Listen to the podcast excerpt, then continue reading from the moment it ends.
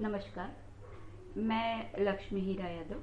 मैं आज आपके समक्ष अपनी कविता प्रस्तुत करने जा रही हूँ। स्टोरी मिरर में ये मेरी प्रथम ऑडियो कविता है। मेरी कविता का नाम है, मेहंदी की कहानी, मेहंदी की जुबानी। जी, मेरी कविता शुरू कर रही हूँ मैं। हरियाली में आँखें खोली, शबनम मेरा नूर था। बचपन मेरा बड़ा क्षणिक था। पर अपने यौवन पे मुझको बड़ा गुरूर था। बचपन मेरा बड़ा क्षणिक था, पर अपने यौवन पे मुझको बड़ा गुरूर था। धरती से ऊपर उठकर अंबर को छूने का सुरूर था। पर नियति को ये मंजूर न था। पर नियति को ये मंजूर न था। अलग हुई ममता की डाली से बिछड़ गई मैं बाबुल से। अलग हुई ममता की डाली से बिछड़ गई मैं बाबुल से। रीति रस्म रिवाजों का नाम देकर अपनों ने छला था। कहती मैं क्या जग से?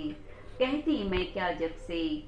अब मेरे उन सपनों अरमानों का जग में कोई मोल न था। अब मेरे उन सपनों, अरमानों का जग में कोई मोल न था। मेरे कष्टों का अब कोई छोर न था। खामोश पड़ी थी मैं निस्तब्ध निशासी। खामोश पड़ी थी मैं निस्तब्ध निशासी। दुख की बदली छाई थी गनगौर घटासी। अब तो दुख की बदली छाई थी गनगौर घटासी। अति कोमल तन था मेरा, अति कोमल तन था मेरा। वक्त का पाषाण अति कठोर। हाय री बाला, तुमने क्या कर डाला? हाय री बाला, तुमने क्या कर डाला? मेरा सारा यौवन पिस डाला। पर मैंने देखा उसके जीवन की बेला बड़ी मधुर है। पर मैंने देखा उसके जीवन की बेला बड़ी मधुर है। आँखों में आँखों में सौ सपने हैं, मन में अरमानों की बारातें हैं।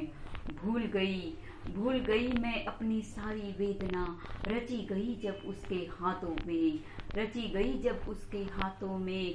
धन्य हुआ मेरा जीवन, धन्य हुआ मेरा जीवन। मेरे शुद्र जीवन पे हंसने वाले मेरे शुद्र जीवन पे हंसने वाले, तेरी भी यही कहानी है।